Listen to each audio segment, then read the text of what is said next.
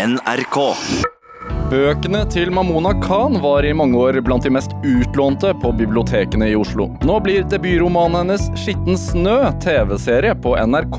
Hun takker en ryggsykdom for at hun turte å leve ut forfatterdrømmen, og for tiden er rullestolen hennes sterkeste motivator. Dette er Drivkraft med Vegard Larsen i NRK P2. Mamona Khan, hjertelig velkommen til Drivkraft. Takk skal du ha. Veldig hyggelig å ha deg her. Eh, hvordan har du det? Jeg har det kjempefint. Så bra. Du, eh, serien 'Skitten snø', som er basert på debutromanen din eh, med samme navn, eh, kommer på NRK nå 31. oktober, og handler om det norsk-pakistanske miljøet i Groruddalen. Ja, det handler om eh, norske unge jenter da, Ja. som havner i en veldig vanskelig situasjon, eller hvor hovedpersonen blir utsatt for et overgrep, seksuelt overgrep. Så, så, Altså, tung tematikk, med andre ord. Ja, en tung tematikk, men det, det handler om vennskap, eh, eh, et veldig sterkt vennskap mellom disse jentene også, da, som har det er tre av dem som har pakistansk bakgrunn, altså sånn som meg. De er født og oppvokst i Norge. Og så har du Charlotte, som er jeg kaller det etnisk norsk. Da. Det er denne vennegjengen det handler om. Men det er også en sånn spenningsserie. Det er en thriller. Ja. Ja. Hvorfor, hvorfor var det viktig for deg å pakke det inn i, i, den, i den sjangeren? Ja, det, jeg, da jeg skrev den boka, det var debutboka mi, eh, skjønnlitterært i hvert fall, og så eh, var jeg ikke klar over at eh, jeg hadde det i meg, for det er en ganske brutal historie. Eh, men når jeg hadde gjort det, så forsto jeg at det er dette jeg skal gjøre, fordi at det å Du kan fortelle om veldig mye tungt og vanskelig gjennom også spenning. Bruke det som en sjanger. For da For jeg vil jo ut til ungdommen, som er målgruppa, og de vil gjerne ha noe kjapt levert. Altså ikke kjapt levert, men de vil eh, de er, blir for fort rastløse, da. det, det skal skje noe, det må være noe handling, og det må være driv i det. Så derfor så er det den eh, føler, føler jeg at det- er de riktige rammene. Boka kom ut i 2011, men, Mm. men er handlingen lagt til nåtid, eller er det 2011 Nei, den eh, er nok eh, lagt til nåtid, ja. Var det noe som måtte endres i forhold til det? For det har skjedd ganske mye de siste åtte årene. da. Ja, nei, det er nettopp det. Det er jo en adopsjon av boka. Ja. Eh, Så det er jo en, eh, ny versjon, på en måte, eh, hvor eh, rammen, altså historien og fortellingen er intakt, og sjelen er der, og universet og karakterene er der. Men så er det et TV-format. Eh, Opprinnelig så skrev jeg jo filmmanus før vi kom til dette her. eh, Så man, man tilpasser seg det formatet. Eh, Og da er det rom for mer. Så man kan eh, Ja. Så det er en eh, Jeg vet ikke om jeg skal kalle det en oppdatert versjon, men ja, på en måte så er det Bruker det. ikke de samme mobiltelefonene i 2011 som eh, i Nei, 2019? nei, nei, det er sant. Snapchat er en ting i 2019, Ja, var det ikke det i er 2011? det. Nei, det er det. Det er mange ting som har forandret seg siden 2011. Ja, Som måtte inn i eller i historien, eller? Eh, eh, nei, det er liksom det, det har ikke så stor betydning, så det blir liksom små elementer i historien. Altså Selv om de er med, så er ikke det en viktig ting. Hvorfor var det en viktig historie for deg å fortelle bak, eh, tilbake i 2011? Altså, Når begynte Ja. du skrivingen? Um, det start, altså jeg hadde journalistbakgrunn, eller jeg jobbet som journalist før jeg eh, begynte å skrive bøker. Uh, og som journalist så har man, uh, er man ofte veldig fokusert på å bringe noe til bordet som ikke noen andre har kanskje sett på, eller som er kritikkverdig, og som man må gjøre noe med. Og det var kanskje den innstillingen som gjorde at jeg tenkte ok, jeg, eh, hvis jeg skal skrive noe, hva kan det være som, som, er, eh, som er vanskelig, og kanskje ingen har snakket om, Som er og som å er viktig å skrive om. Og det var eh, egentlig grunnen til at jeg tenkte, tenkte i de banene, og så var det slik at det, det, er jo også inspirert eh, på noe av virkelighets, eh, virkeligheten, fordi det hadde skjedd. Eh, det var en hendelse som jeg visste om, hvor ei jente hadde vært utsatt for et eh, overgrep som egentlig var verre enn det jeg da seinere i fiksjonen eh, har skrevet. Som var fra, Denne jenta var fra dette miljøet, norsk-pakistanske miljøet. Og det å være vitne til at ryktene begynner å gå Ingen snakker med vedkommende, men alle snakker om vedkommende. Eh, hvordan eh, Jeg prøvde å sette meg i hennes situasjon, da.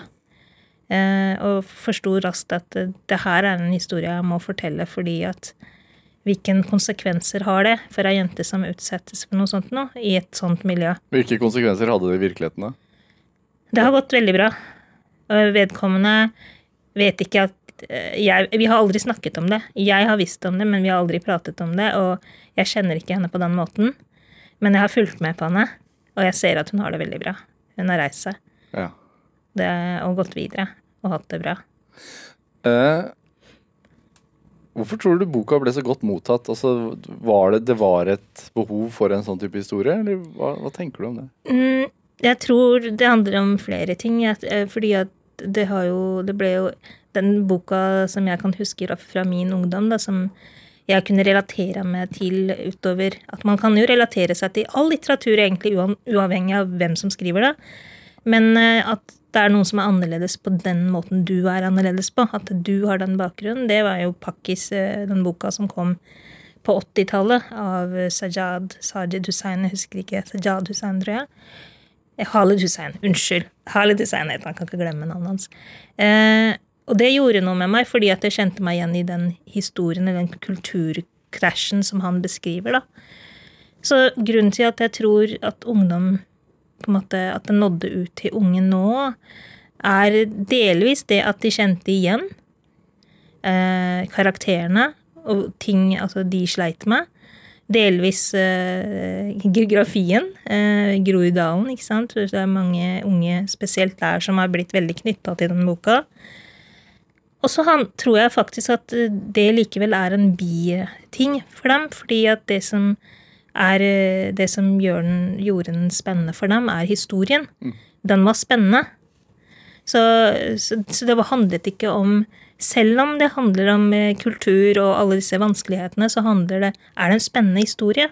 Så den ga noe mer enn bare, bare dette her med hvor vanskelig Ja, det flerkulturelle. Den, den, den får frem en historie, den forteller noe og, hvor jentene blir sentrale. Det- Karakterene. Jeg, jeg tenker jo, altså Den, den uh, toppet jo utlånslistene på bibliotekene i Oslo da den kom, og den ble etter hvert også en del av skolepensum.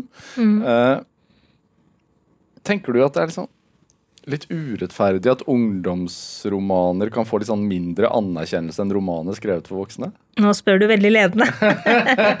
ja, men jeg, jeg, jo, men sånn er det jo, fordi at som forfatter for barn og ungdom, så får man ofte det spørsmålet hvorfor skriver du ikke for voksne? Ja. For barn- og ungdomslitteratur er liksom ikke ordentlig litteratur. Og det er urettferdig. Det er veldig urettferdig fordi at barn- og ungdomslitteratur er med på å forme eh, barn og ungdom, altså individet. Så det har jo kjempeviktig eh, betydning. Og så tenker jeg at Det må, må jo faktisk være litt vanskeligere å treffe. Eh, fordi du skrev jo dette i voksen alder. Ja. Og det, på et vis så tenker jeg at det må jo være enklere å skrive for et voksen publikum enn å Mm. sette seg inn i, i hvordan ungdom Ja. i dag oppfatter noe. Altså, Mm. Å fe- fenge ungdommen er vanskelig. Det driver vi, vi prøver på her i NRK hele tiden. Ja, det er kjempevanskelig. Men jeg, jeg tror ikke jeg tenkte så mye på det, fordi jeg har alltid vært så opptatt av ungdom. Eller jeg har eh, tidligere også, da jeg, jeg var redaktør, redaktør for dette ungdomsbladet som vi var med på å starte, da, så var det jo ungdommen jeg var rett Det var der jeg på en måte Så jeg har aldri tenkt at det er en eh, målgruppe som ikke jeg kan nå ut til, fordi jeg bare selv om jeg er 46, så føler jeg meg ung, eh, på en måte, da, hvis du forstår hva jeg mener. Jeg er ikke helt med på alle kodene deres og alt sammen, men, men jeg, jeg tror nok at jeg, det er ikke så veldig stor forskjell for, fra oss da vi var unge, og hvilken ting vi sleit med, og de, de unge sliter med i dag, da. Selv om det har kommet flere ting som de sliter med nå. Eh, Skitten snø er en del av en bokserie som består av tre bøker Mm. om denne venninnegjengen. Eh, og da blir det jo naturlig å spørre altså, hvordan var din oppvekst sammenlignet med jentene i boka sin? Ja. Eh, Jeg bruker, bruker jo noe av min oppvekst i bøkene mine med, med tanke på um, Hva skal jeg si for noe? Gnisninger mellom foreldre og barn. Altså det du får lov til, og det du ikke får lov til. Uh, Sånne ting har jeg brukt. Men uh, i, i boka. Men eh, i serien så igjen så er det oppdatert eh, i forhold til tid. Så det som da var veldig vanskelig på den tiden da jeg skrev boka, har kanskje forandret seg litt nå. At det har blitt litt lettere. Eh, men karakterene er de samme, og de har, altså, jentene har Selv om de har samme etniske pakistanske bakgrunn, så har de forskjellig type familier. Sosial og økonomisk bakgrunn. Eh, Og utdanning blant foreldre. Sånn at alle disse tingene gjør at eh, noen, en av jentene har en veldig streng far. eh, Den andre har ikke det. Altså det er noe liberalt. Litt mer moderat, hvis du forstår. Det er en nyansert eh, bakgrunn, da. Ja. Jeg forstår at du har brukt eh, barna dine litt i, som, som hjelp underveis. Det har jeg. Eh, Dattera mi spesielt. Ja. Hun har vært en sånn sparringspartner eh, hele veien. Hva, hva har du lært av hun da? Ja, nei, hun, eh, hun Ofte ting man sier og ikke sier. Har du et eksempel? Off, eh, banneord, for eksempel. Altså, hva sier de? Jeg kan ikke ta det på radio, men altså Hvis du hadde vært veldig, veldig sint på noen, hva hadde du sagt da? Liksom holder dem å si en idiot eller sånn? Og jeg bare Nei, jeg gjør ikke det. Eh, Det er bare ett eksempel, men det er mer på en måte hva som er troverdig eh, i hennes eh, øyne, da. I en setting ville For eksempel, du snakket om dette her med digitalisering eller den nye teknologien. Med å, da vi var unge, så var det det å ringe hverandre kanskje mer normalt. På hustelefonen? Ja, sant? Ja. Men eh, det å ringe hverandre nå er jo ikke normalt blant unge. Fordi de sender hverandre sånne talebeskjeder eller talemeldinger, eller de snapper hverandre. ja. Ja det har jeg hørt at de ja. faktisk leser inn en talebeskjed som Ja. de sender som melding. Ja, så, sånn at sånne ting kunne hun eh, vi, liksom, Nei, dette her funker ikke. Det er ikke i dag. Sånn er det ikke nå. Eh, ja, hun har kommet med gode ideer også underveis. Til den tredje boka, for eksempel, så var det jo hennes eh, Jeg hadde flere ideer som jeg lufta med henne, og nei, det gikk ikke helt hjem. Og så kom hun med en idé- idé som jeg da kjørte på. Hva, hva, altså, tror du hun lærte noe om deg også i den prosessen? Ja, det tror jeg nok at hun har. Jeg tror, jeg tror egentlig ikke bare hun, men hele familien min har fått eh, eh, De ble veldig overrasket over det jeg, det jeg forteller, og hvordan jeg forteller det. Fordi at uh, ingen har sett på meg som en sånn uh, Hva skal jeg si det For det er dystert, en del av det som jeg skriver. Og det er ikke sånn jeg oppleves, da. Og så var jo min første bok var jo ikke skjønnlitterær bok, det var en dokumentar eller en faglitterær bok som, som handler om uh, norsk-pakistanernes historie osv. Og, så og den, der er det jo Den gikk jo rett hjem i det norsk-pakistanske miljøet, fordi at der hadde jeg fortalt en historie som ikke har blitt fortalt før, og som da løfter foreldregenerasjonen. Og den ble jeg hyllet for, så jeg har fått noen priser for den i det miljøet. Eh, Sånn at når, de, når jeg kom med ski- skitten snø, så fikk jo de fleste bakoversveis der, fordi det var ikke det de hadde forventa. Men, men det føler jeg Men hvordan da? Hva, hva, hvordan ble det mottatt? Nei, det, det ble stille. Fordi at uh, før det så, så var det veldig mye skryt. uh, tilbakeblikkboka. Uh, og de sa liksom ja, nå vi gleder vi oss til den romanen du skal skrive. og liksom, så De så veldig til denne utgivelsen, frem til det. Og så kom den utgivelsen, og så ble det veldig stille, og jeg fikk et par meldinger sånn eh, ja, Nå skulle du liksom skrive skjønnlitterært, så måtte du skrive om det negative. Det måtte være den ukulturen. Eh, og det var jo jeg helt uenig i. Altså, ja, ja, jeg har skrevet om det, men eh, eh, det handler jo om mye mer enn det. Hvorfor tror du den reaksjonen kom da? Ja, jeg tror det, man blir liksom skuffet over fordi man er så lei av det negative fokuset. At man blir så lei av at eh, nå skulle liksom jeg, som er eh, som, som er hyllet, som plutselig skal jeg kritisere. Eh, og det føler jeg at det var riktig vei å gå. Det var, fordi det, det tror jeg også skånet meg veldig mye, fordi det har noe med integritet å gjøre. Du kan sparke begge veier. Det, det må være lov. På, på hvilken måte vil du si at den kritiserte deg? Den tar opp et tabubelagt tema. Den forteller at det, eh, hvis man blir utsatt for en, eh, en sånn hendelse, så er man eh, stemplet for livet, og skammen er kollektiv. Altså Det handler ikke om deg som er blitt utsatt, men det handler om at det sverter din families navn. Den sverter eh, Ja, den, eh, den gjør deg til eh, Ja, du får skyld. Altså det er, det er en lang eh, og stor eh, har, du får mye problemer. Det er mange problemer. Du kommer liksom aldri unna det. Og det må, noe, noe må man gjøre noe med. Og det er jo det som var grunnen til at jeg skrev den boka.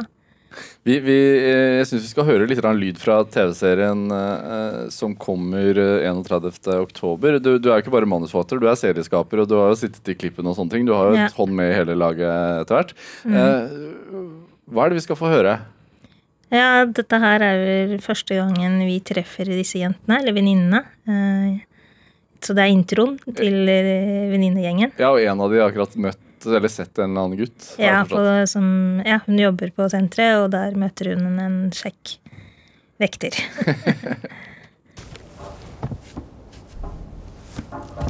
Eh, dere?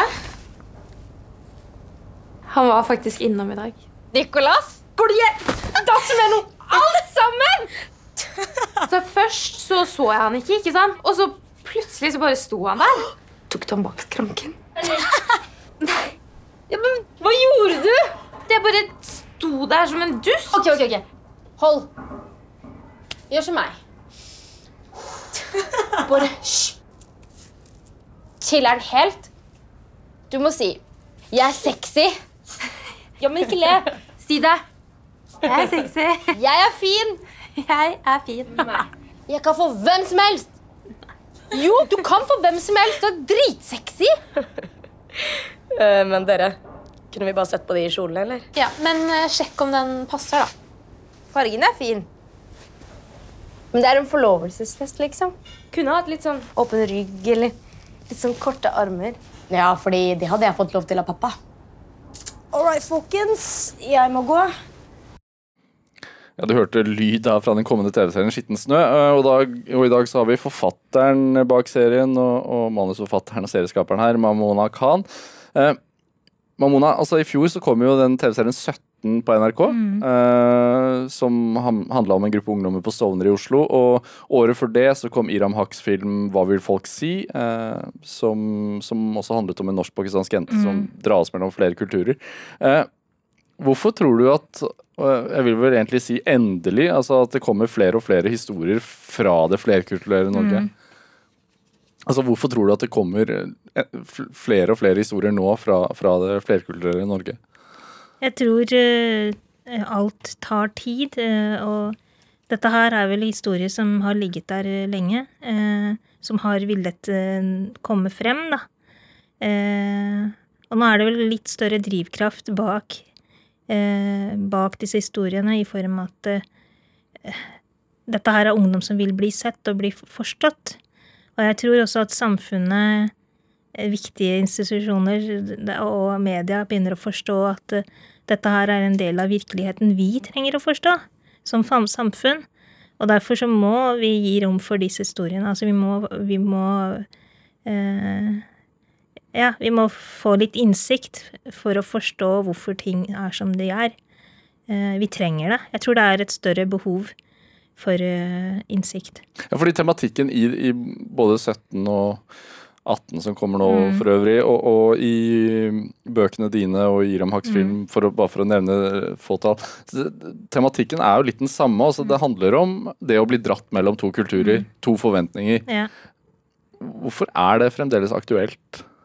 Jeg tror det alltid vil være aktuelt, ja, fordi at eh, Norge er i forandring. Eh, og selv om det er mennesker som har eh, kommet hit for 50 år siden, sånn som pakistanerne, så er det mennesker som kommer stadig vekk, nye mennesker som kommer til Norge, som eh, sliter med akkurat de samme tingene som mine foreldre sleit med i begynnelsen av 70-tallet. Hva var det, da? Ja, det å språket for eksempel, det å forstå eh, normer og koder og eh, hvordan de skulle prøve å klare å tilpasse seg.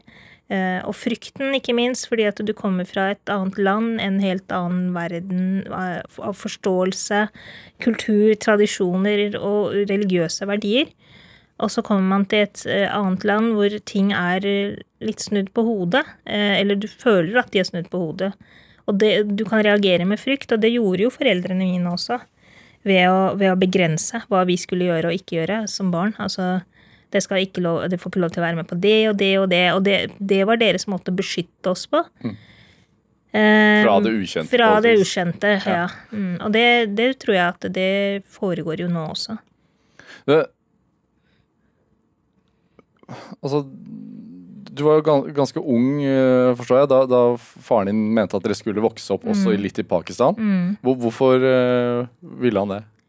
Han var, redd for, han var redd for at vi skulle bli fornorsket. At vi eh, Han hadde et bilde av eh, hvordan norske kvinner var. Eh, som han, han var redd for at vi skulle bli Altså hans Den friheten var liksom ikke noe sunn frihet ifølge han. Eh, og han eh, ble veldig preget av det han leste.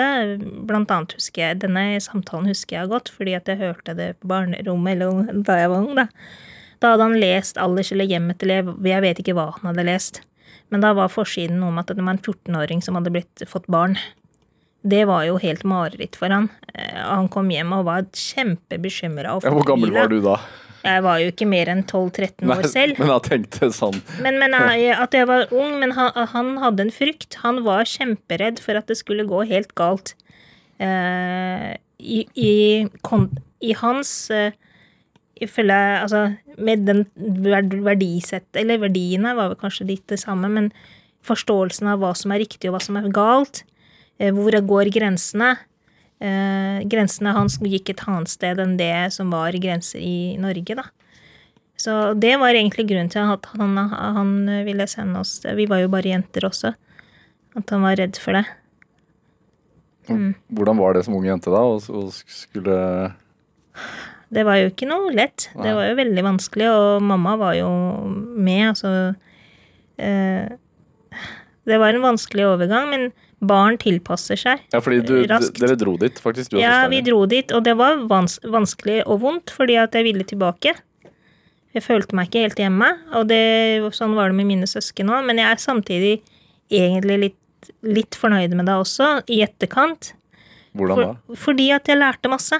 Jeg lærte masse om denne bakgrunnen som de kommer fra. Hvorfor, hvorfor ting var sånn som i deres hode. Altså, jeg klarte å forstå Hvorfor han gjorde ja, som han hvorfor gjorde? han gjorde som han gjorde. Hva, hva, hvor kommer han fra, og hvorfor tenker han på den måten? Eller hvorfor er foreldrene mine redd for sånne ting? Samtidig som jeg lærte meg språket. Jeg kan lese og skrive på urdu. Og det er nøkkelen til eh, stor eh, en, en verden med litteratur og poesi og eh, Altså, jeg, jeg, jeg forstår språket, og det, språk er veldig viktig, da. Men var planen at du skulle være der? Eh, Vi skulle nok være der, men eh, sånn ble det jo ikke. Eh, fordi mamma Mamma Vi gikk ikke helt med på den planen. Hun, eh, hun eh, lurte seg tilbake til Norge. Sa at hun eh, ville at jentene skulle ha sommerferien i Norge.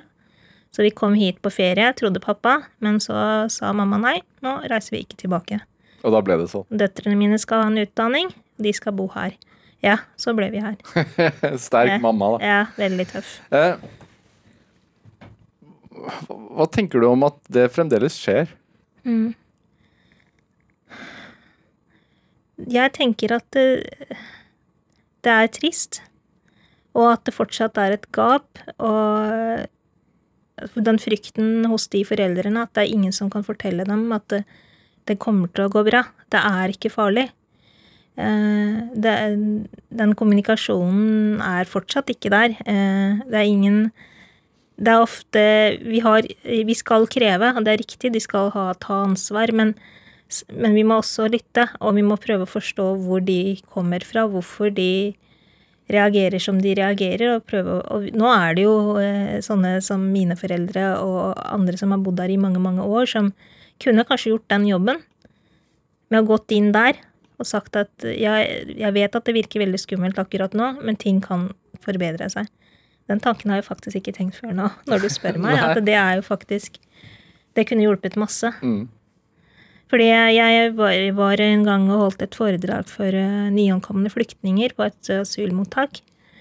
Uh, og da brukte jeg engelsk uh, Vi snakket, og hun Det var på, på bakgrunn av denne tilbakeblikkboka som, hvor jeg konkluderer med at jeg er norsk. Jeg har funnet identiteten min, og det var foredragets kjerne, på en måte. Eh, og de stilte meg et par spørsmål i forhold til hvordan foreldrene mine klarte å integrere seg osv. Eh, og da prøvde jeg å fortelle dem at det var viktig at de deltok på alle arenaer. da, At de lot barna sine delta. At det var viktig at de deltok. Selv om det kanskje var på deres premisser, men at de deltar. Eh, og da tok jeg noen eksempler med at det er barnebursdager. fordi noen ganger så er de redd for at de kanskje får svinekjøtt. Og det er grunnen til at de lar dem ikke dra. Forstår du hva jeg mener? Ja, ja, I barnebursdager. Ja, men det, det, det er jo kjempeenkelt. Enten så sender du med, eller så bare gir du beskjed. Det er ikke verre enn det. Ja, og sånn som det er i dag, så er det jo sendes det jo barn av veganere Ja, og er, barn har allergier, og det, du må ja. tilpasse deg det. Ja. Eh, Sånn, og samtidig julebord, for eksempel. Det, det er jo noen som ikke gir seg for å være med på det også, men igjen, det er jo ikke noe farlig å være med på et julebord. Drikker du ikke, så drikk, ikke drikk. Altså, det er ganske enkle Det er små ting Ja. som gjør som man ikke forstår, man, for, fordi man er redd, da. Man tør ikke. Men man må våge for å komme, komme inn i Altså for å klare å tilpasse seg det nye samfunnet, må man våge. Så, så, så kanskje et, en del av svaret er da å, å bruke kunnskapen eh, eh, førstegenerasjons Ja. innvandrere sitter på i dag. De Ja. som, de som Mm. Har, Har vært har, innsett ja. at ikke det er så farlig. Ja, nettopp. Ja. Hvor lang tid tok det da før de tenkte at uh, dette går bra? um, jeg tror nok uh, de klarte å slappe av når de så at vi klarte å etablere oss, uh, og at vi fikk utdanning, og at vi ble aktive deltakere av ja, samfunnet, da. Det er litt sånn, for jeg tenker sånn Du har jo vokst opp i Groruddalen, Mm. I Oslo her. Og, og det er jo samme sted som, som en del stortingspolitikere drar på sånn guida busstur Mm. Ja. uh, for å se på det de kaller for svenske Mm. tilstander. Mm. Hva, hva tenker du om det? Jeg syns det er latterlig, Ja. eh, og jeg syns det egentlig er ganske fornærmende. Fordi at uh, Jeg har jo også møtt på en, sånn, en del sånne holdninger som, uh, som bunner i kunnskapsløshet. Eh, som handler om mennesker som bor i Oslo vest, eh, som aldri har beveget seg eh, mot Groruddalen fordi de er redd. De frykter at de skal bli rana, og de eh, Ja, det er De tror det skal bli vold, videre. Altså, man har noen sånne bilder av hverandre, for jeg vil si både øst og vest, fordi at der enkelte vestkantsfolk er redd for Hvis vi ser, ser tre gutter komme sammen, liksom, gående, så er man redd for at det skal skje noe. Akkurat sånn er det på østkanten også, hvor man har fordommer da, mot vestkantfolk. Som ikke Altså, skjønner du, det er det gapet imellom der som gjør at det oppstår eh, mye eh, skepsis og fordommer. Så, så den derre busseforslaget som en gang kom, var egentlig ikke så veldig dumt, men det er, går ikke an å gjennomføre det. Men det er der det, det er der det skorter. Det er det at vi ikke skjønner hverandre, og vi lar de derre eh, Hva sier jeg, ikke illusjoner, men vi lar de bildene bare vokse. Vi, vi tror det verste om hverandre, da. Føler du at samfunnet blir mer eller mindre polarisert da? Det har blitt mer polarisert, i debattforaene i hvert fall. Dessverre. Og derfor så er det så viktig med kultur og kunst eh, som kan eh, prøve å utjevne, utjevne eh, eller i hvert fall Bygge noen broer? bygge noen broer, ja. ja, ja. Mm. Hvis, hvis, man, hvis du skal liksom tenke 10-20 år fram i tid, hvordan håper du dette utvikler seg? Eh, Jeg, er jo egentlig optimist, og så har jeg veldig tro på gode krefter eh, som motarbeider den polariseringen, for det gjør de. Vi bare ser ikke dem. Eh, De jobber på hver sin arena, og de får kanskje ikke så mye oppmerksomhet heller, fordi ikke, du får ikke noen tabloide overs- overskrifter når de snakker, for de snakker om fornuft, og de snakker om å bygge broer, ikke sant, og det virker kjedelig. Så de vil vi ikke snakke om. men- Selger ingen forsider? eller? Nei, det selger ingen forsider. Så som optimist så tenker jeg om 20 år at vi er sterkere som nasjon. Eh, At den norske identiteten er sterkere. At den er inkluderende. Eh, At vi får til det. Og at vi har flere stemmer i kultur og kunst eh, med nordmenn med minoritetsbakgrunn som kan eh, endre narrativ. Du, du har jo jobbet med dette ganske lenge, fordi allerede tilbake i 95, altså 1995, da var du 22 år gammel, så, så ga du og søsteren din ut et ungdomsmagasin eh, som het Eksplosiv. Ja. Eh, var det litt for å liksom vise at uh, folk med minoritetsbakgrunn uh, også Hadde en stemme. hadde en stemme? Ja. Det var uh, ungdom med minoritetsbakgrunn som følte seg veldig oversett. Og dette her var jo tidlig 90-tallet, um, da vi starta dette bladet. Og det kom etter at Det er litt trist, men det er akkurat de samme debattene vi ser nå også, i forhold til kriminalitet og rus osv. Som den gang. Som den gang. eh, Og voldtekt, ikke minst. eh, Og innvandring. eh, Hvor talspersonene ofte var førstegenerasjons innvandrere eller politikere. da, Som snakket gebrokkent og ofte ikke klarte å argumentere godt nok eller på en måte tale vår sak. Vi som var ute i samfunnet, de jobbet jo og kom hjem og hadde ikke noe Veldig mange av dem hadde ikke noe sosialt nettverk utover det. Mens vi som var barn eller unge på den tiden, som gikk på skole, hadde venner og beveget oss ute i samfunnet. Vi følte at de ikke talte vår sak, og det var grunnen til at vi starta det bladet. da. For vi følte at vi ble ikke hørt. Men det, eh, hva skrev dere om, da?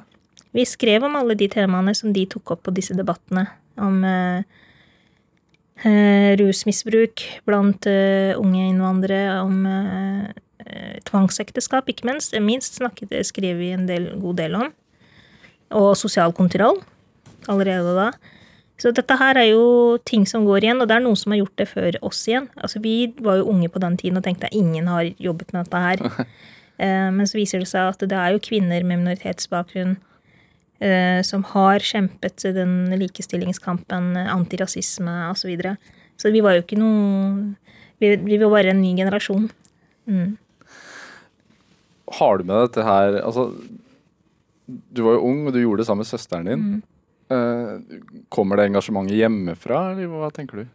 Um, Du nevnte moren din, da. Ja, Hun, ja. f- du, du, at hun tok deg med tilbake, Mm. eller tok deg med tilbake til Norge og sa sånn Nei, de skal være her. Altså hve- Ja. hvem, har, hvem har lært deg dette engasjementet? Uh, det er vanskelig å si. Um, men mammaen min hun følger med på Hun er veldig, hun følger med på nyheter og har alltid gjort det.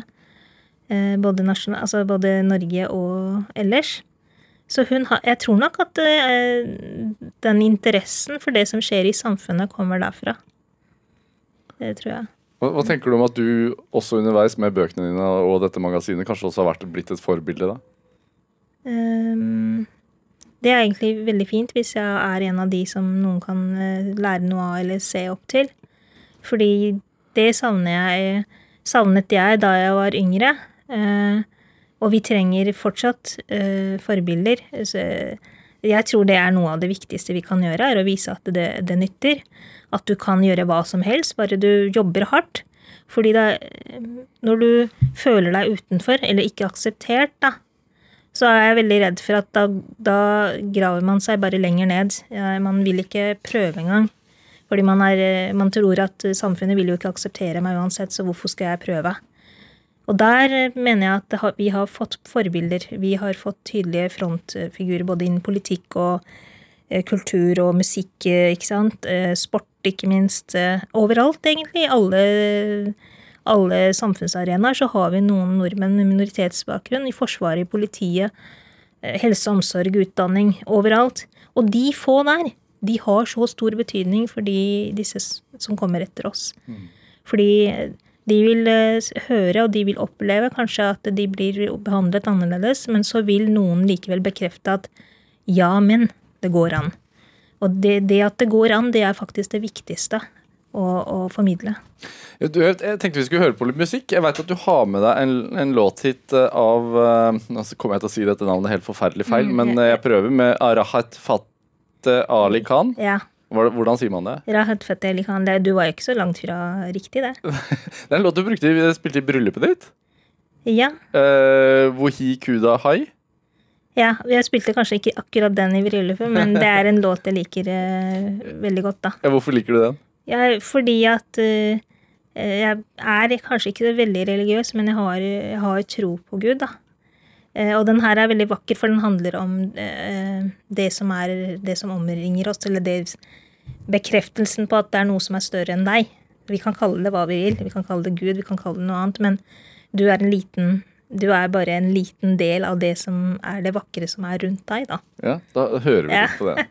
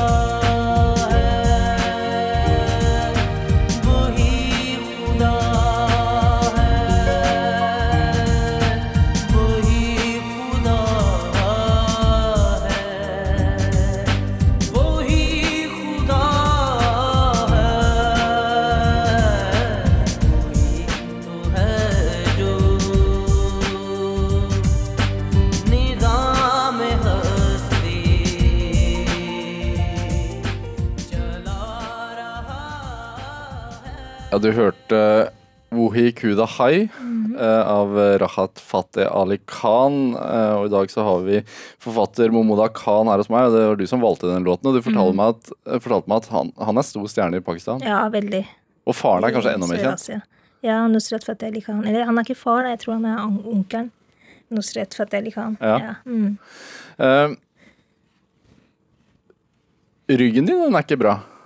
Nei, den har jo nok ikke vært bra på veldig, veldig lenge. Nei, for jeg, jeg våknet opp i dag med litt sånn vond skulder, for jeg hadde ligget litt sånn dårlig. Og så tenkte jeg sånn Ikke klag på vond skulder. Ikke til dagens gjest, i hvert fall. Når, når merka du at det ikke var helt som det skulle? Jeg var, eh, dette her skjedde jo da vi var i de årene vi skulle være i Pakistan og ikke bli fornorska. Eh, Det skjedde på privatundervisning, for vi hadde et ganske tett eh, løp. Vi gikk på skolen på dagen, og på kvelden så hadde vi privatundervisning. Og på den privatundervisningen, hun eh, lærerinnen hadde noen sønner som elsket å spille cricket, så de holdt på med sitt, og vi satt og leste ute i på en måte en sånn hage. Og da fikk jeg den cricketballen som er steinhard i ryggsøylen øverst. Eh, Og det var veldig vondt der og da, men jeg tror ikke man forsto egentlig at det, det var eh, stor skade som hadde skjedd. Før eh, etterpå, fordi at jeg ble Jeg hadde veldig mye vondt, jeg ble dårligere, så mamma reiste jo til, tok med meg eh, tilbake. Det var også en, en av grunnene til at hun ikke ville være der mer var fordi hun ville følge meg opp og få, få meg behandlet. da. Ja. Så da vi kom hit, eh, så, så begynte alle disse undersøkelsene, og jeg ble innlagt etter hvert. Hva var det som var galt, da? det var en skade på ryggsøylen. eh, Altså, det var et sår inni innvendig, en betennelse. Men eh, som de mente var tuberkulose i ryggen. Um, og jeg ble medisinert, eller jeg ble innlagt og fikk noen veldig sterke medisiner en god stund. Jeg var ikke veldig mye gammel da, 10-11 år. Eh, 11 år kanskje. Eh, og lå da eh, Dette her husker jeg det fordi det var et sånt stort rom med mange damer, mange, flere pasienter. Og jeg var det eneste barnet på det rommet. Så jeg pleide å finne på mye tull der. Så selv om det var vondt, så, jeg har bare gode minner fra den tiden, fordi at de pasientene rundt meg var så snille mot meg, og jeg fikk gaver og så videre. Men i hvert fall, så etter eh, å ha vært der, så ble ting bare verre, fordi at eh, det å gå til skolen ble et problem, fordi jeg falt og mista balansen. Eh, så Og ryggen bærte deg ikke, rett og slett? Nei, det, det, var noe med nervene som gjorde at jeg, hvis jeg så ned mens jeg gikk, så falt jeg. Um, og da begynte de å undersøke og fant ut at de måtte operere for å rette opp ryggen mens jeg fortsatt var ung. Eh, jeg ble operert. Ja, For du hadde skeiv Ja, jeg var eh, skeiv rygg, eh, Ryggen min var skeiv. Eh, Man kaller Eller det er det som er litt usikkert. At de mente det var tuberkulose og skoliose. Eh, Så de opererte meg for å rette opp ryggen, så jeg ble påsatt en sånn eh, eh, Jeg vet ikke hva de kaller det, men når du skrur eh, inn i hodet og får en sånn korsett. Det fikk jeg. Jeg husker mamma kom for å besøke meg og grein som bare det. ikke sant? Hun syntes det var helt forferdelig å se meg sånn. Hvordan var det for deg, da? Det, jeg fikk jo sånn eh, beroligende før de begynte å skru. Ja, men jeg husker fortsatt den lyden når jeg sto, satt der på sengekanten. For du skrudde den fast i Jeg skrudde i hodet på siden her. Oi. Du får en sånn derre Dere har sikkert sett det. Jeg har sett det, det på andre mennesker som har hatt uh, ryggoperasjoner tidligere. Jeg tror ikke man gjør det nå lenger, kanskje. Jeg vet ikke. Altså man holder nakken oppe, da. Ja, Så for, å holde fester noe i nakke, hodet. ja, for at du, hodet skal være rett eh, etter operasjonen, så skal du holde deg rett for at ryggen skal vokse riktig. Ja. Men uh, den tok de av etter operasjonen fordi vi sa at det var ikke nødvendig lenger. Uh, og det var jo fint, men det som ikke var så fint, var jo at jeg ble lam fra livet og ned etter den operasjonen. For da hadde de kuttet over noen, kommet borti noen arver. Oi. Som gjorde at jeg ble lam fra livet og ned. Og da lå jeg da tolv år gammel. Eh, og foreldrene, Det var en veldig traumatisk opplevelse for dem. Jeg var jo bare et barn, så jeg forsto ikke helt følgene av det, konsekvensene, mens jeg lå der. Og da eh, Fordi jeg husker fortsatt eh, klarer å erindre det at etter operasjonen, på kvelden da jeg våkna, eh, så kom legene Det var tre stykker som kom inn. Og jeg forstår det nå at det de prøvde å finne ut, var om jeg fortsatt hadde følelse i beina, for de sjekka, og det hadde jo ikke jeg. Nei, du følte Så, ikke beina. nei, nei, så de opererte meg på samme natta etter, etter den operasjonen. Så opererte de meg på nytt for å få retta opp i det. Det funka ikke. Eh, og den tredje gangen de skulle operere meg, så måtte de ha en tillatelse fra foreldrene mine, eller de måtte skrive under på et skjema, og de ville jo ikke. De nekta jo fordi at det hadde allerede gått så galt. Og da sa jeg at nei, det må vi prøve. Ja, fordi de kunne bli permanent lam. Ja. Ja. ja, de ville prøve å se om de kunne få fiksa noe, da. Ja. Ja. Du gikk jo inn i studio her i dag, så du, det gikk jo bra, Ja, da. det gjorde jo det, heldigvis. Men, men hvor lenge var du Jeg var lam i ja, åtte-ni måneder. Jeg ble jo rehabilitert på Sunnaas, eller de sendte meg dit. Eh, Hvordan er det Altså, du var jo et barn. jeg var et barn, ja. Og Ut av skolen, ut av alt. ut av alt, ja. Hvordan, hvordan Hvis du ser det ser, ser tilbake ser på det som voksen altså. Ja, nå som jeg ser det tilbake på det, så er det veldig vondt å tenke på det. Men der og da så var det ikke Jeg så ikke det. Jeg forsto ikke Jeg så ikke alvoret i det som holdt på å skje rundt meg, for jeg var for ung. Men jeg husker en eh, sånn episode hvor jeg ble skikkelig lei meg, og det var første gangen jeg kom hjem på permisjon, for da Jeg kunne fortsatt ikke sitte.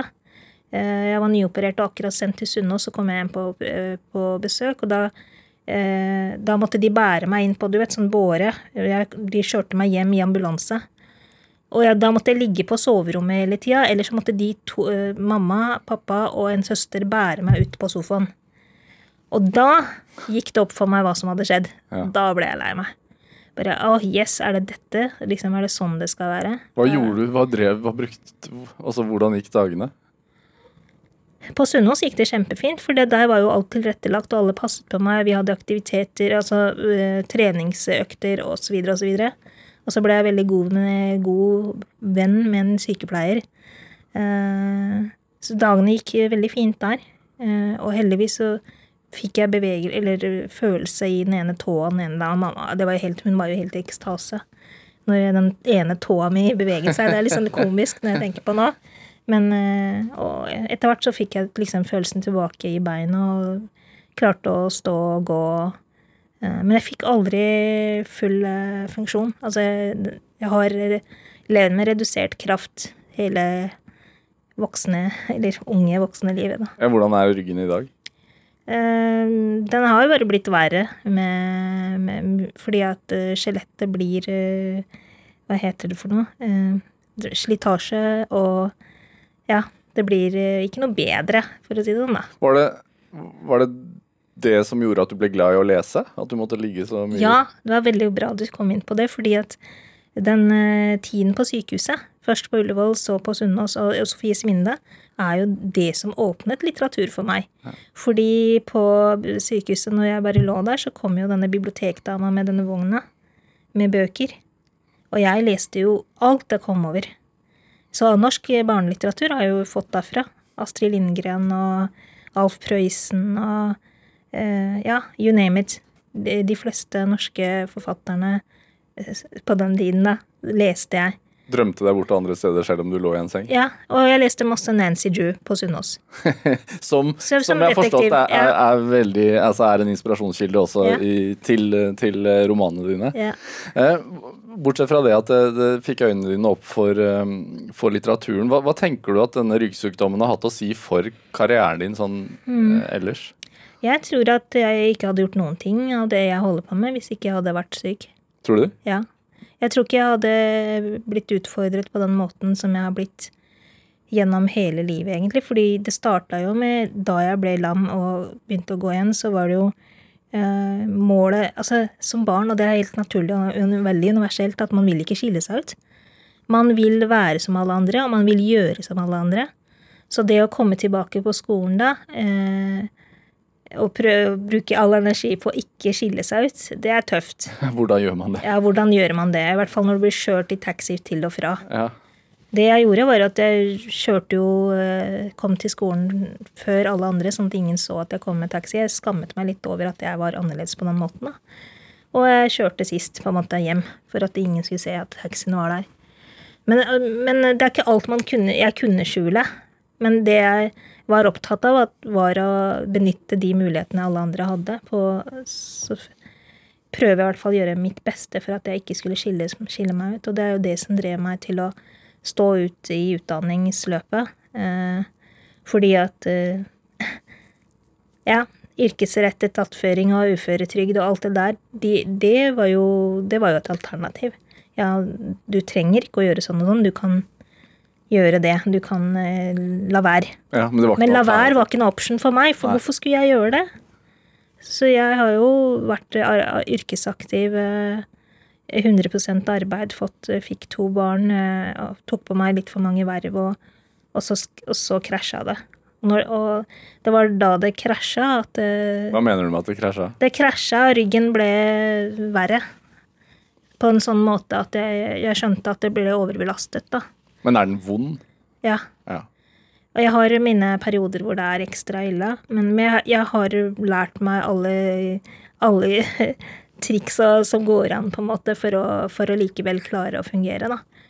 Um, ja. Men, hva, men hva, hva var det som skjedde da den krasja, da?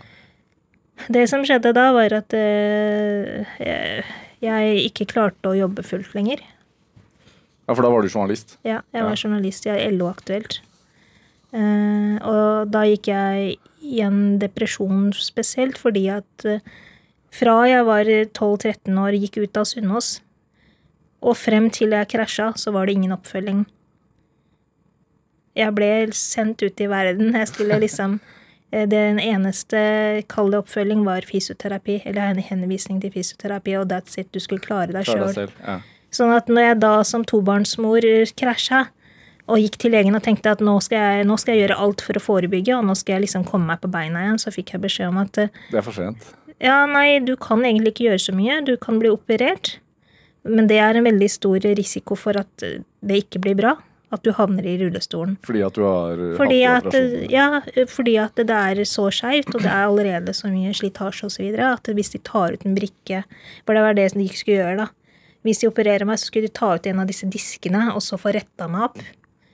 Eh, Fordi at eh, de går jo på Jo mer stram disse nervene blir, jo mindre blir eh, kraften i beina. Var det da du begynte å skrive? Ja, nei, fordi da fikk jeg vite da at For jeg, da ble jeg skikkelig sint, fordi jeg tenkte at ja, men hva kan jeg gjøre for å forebygge, for jeg vil jo ikke. Hvordan kan jeg bli bra? Nei, det er ikke så mye du kan gjøre. Du kan prøve å trene, men heller ikke det på sikt vil hjelpe. Så på et eller annet tidspunkt så vil rullestol være Det er ikke noe du kan utelukke, og da tenkte jeg ok. Først ble jeg lei meg og deppa litt, og så tenkte jeg nei, men hvis det, er- det er eh, liksom det som skal skje, så skal jeg søren meg gjøre alt eh, som jeg kan gjøre før den tid kommer, da. Så jeg turte og våget mye mer enn det jeg hadde gjort inntil da. Du snudde det til Jeg, noe positivt? ja, liksom. jeg, jeg tenkte at nå, ja, Nå eller aldri? Nå eller aldri, ja. Ja. Så det er der, der det starta, det er der kronikkene begynte å komme, og det er da ja, jeg gikk eh, inn Jeg fikk stipend for forfatterutdanningen på Norsk barnebokinstitutt. Én dør lu lu lukker, en annen åpner. Ja. Er det Fikk den deg liksom til å tenke sånn man, må, man er nødt til å leve mens man kan? Ja. Ja. ja. Du, tar, du tar ting for gitt hele tiden, og det gjorde jo jeg også. Selv om jeg hadde den helsa, så tenkte jeg at det fungerer jo. Jeg klarer jo alt, jeg. Inntil du plutselig ligger der og de der Det har jo hatt noen sånne sånne daler, kall det, hvor, eh, hvor det er kroppen som sier fra. Altså, jeg kan ville så mye jeg vil, men det hjelper ikke hvis ikke kroppen er med. Da, da er det begrensa. Men hva er fremtidsutsiktene for ryggen din, da? Nei, nei jeg, jeg vet ikke Jeg kan ikke si noe om hva som kommer. Det eneste jeg vet, er at eh, hvis jeg ikke passer på, så, så vil rullestolen være en daglig ting. For nå bruker jeg rullestol når jeg er på reiser og sånn, for jeg klarer ikke å gå så mye. For å avlaste den? For å avlaste den last, ja. Og det er, ikke, det er ikke det at jeg ikke liker rullestol eller har noe mot rullestolene, for jeg må nesten se på det som et verdt noe som hjelper meg med å drive med det jeg har lyst til å gjøre. Det er litt sånn som den bilen, eh, eller det å ha en bil. Det, jeg har vært avhengig av en bil siden eh, jeg var myndig. Fordi at uten den bilen så hadde jeg verken klart å ta utdanning sånn som jeg ville, og vært i jobb. Så igjen, man kan se, tenke at bil ikke er så viktig, men for enkelte mennesker så er det faktisk eh, det, det viktigste.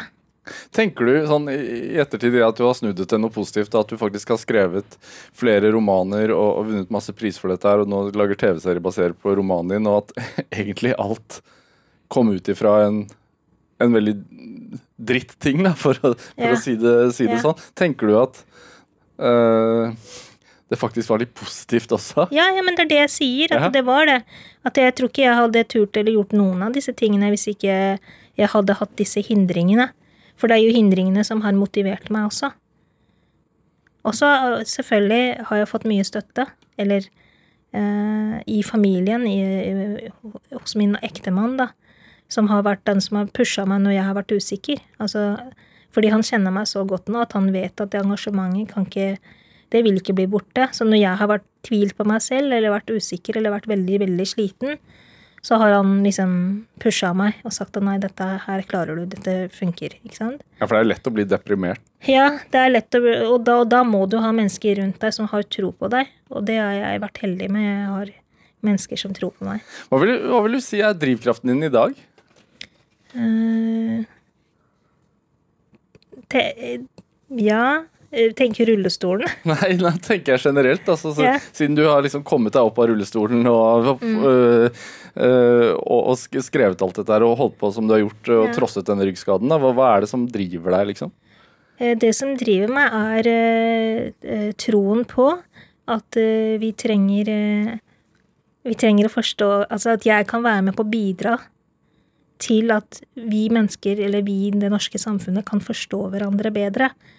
Eh, og så har jeg veldig sterk tro på at litteratur, og ikke minst TV og film, og det som blir formidlet og fortalt der, at det, har kjempestor påvirkning. At det, det å nå frem til et menneske gjennom å fortelle en historie, har større kraft enn det en politiker kan stå og preike om. Altså, vi må bare lære oss å bli kjent med hverandre. Da. Så drivkraften min er å på noen vis være en liten bidragsyter til å tette det store gapet. Det er veldig bra. Tusen, tusen takk for det. eh, Og tusen takk for at du kom hit til Drivkraft, eh, Momona Khan. Veldig hyggelig å ha deg på besøk. Takk for at jeg fikk komme. Eh, Du kan høre flere samtaler i Drivkraft i NRK Radio på nett og app. Eh, Send gjerne gjesteforslag eller tilbakemeldinger på programmet i en e-post eh, til oss. Send drivkraft at nrk.no. I morgen hører du Karen Dolva her hos meg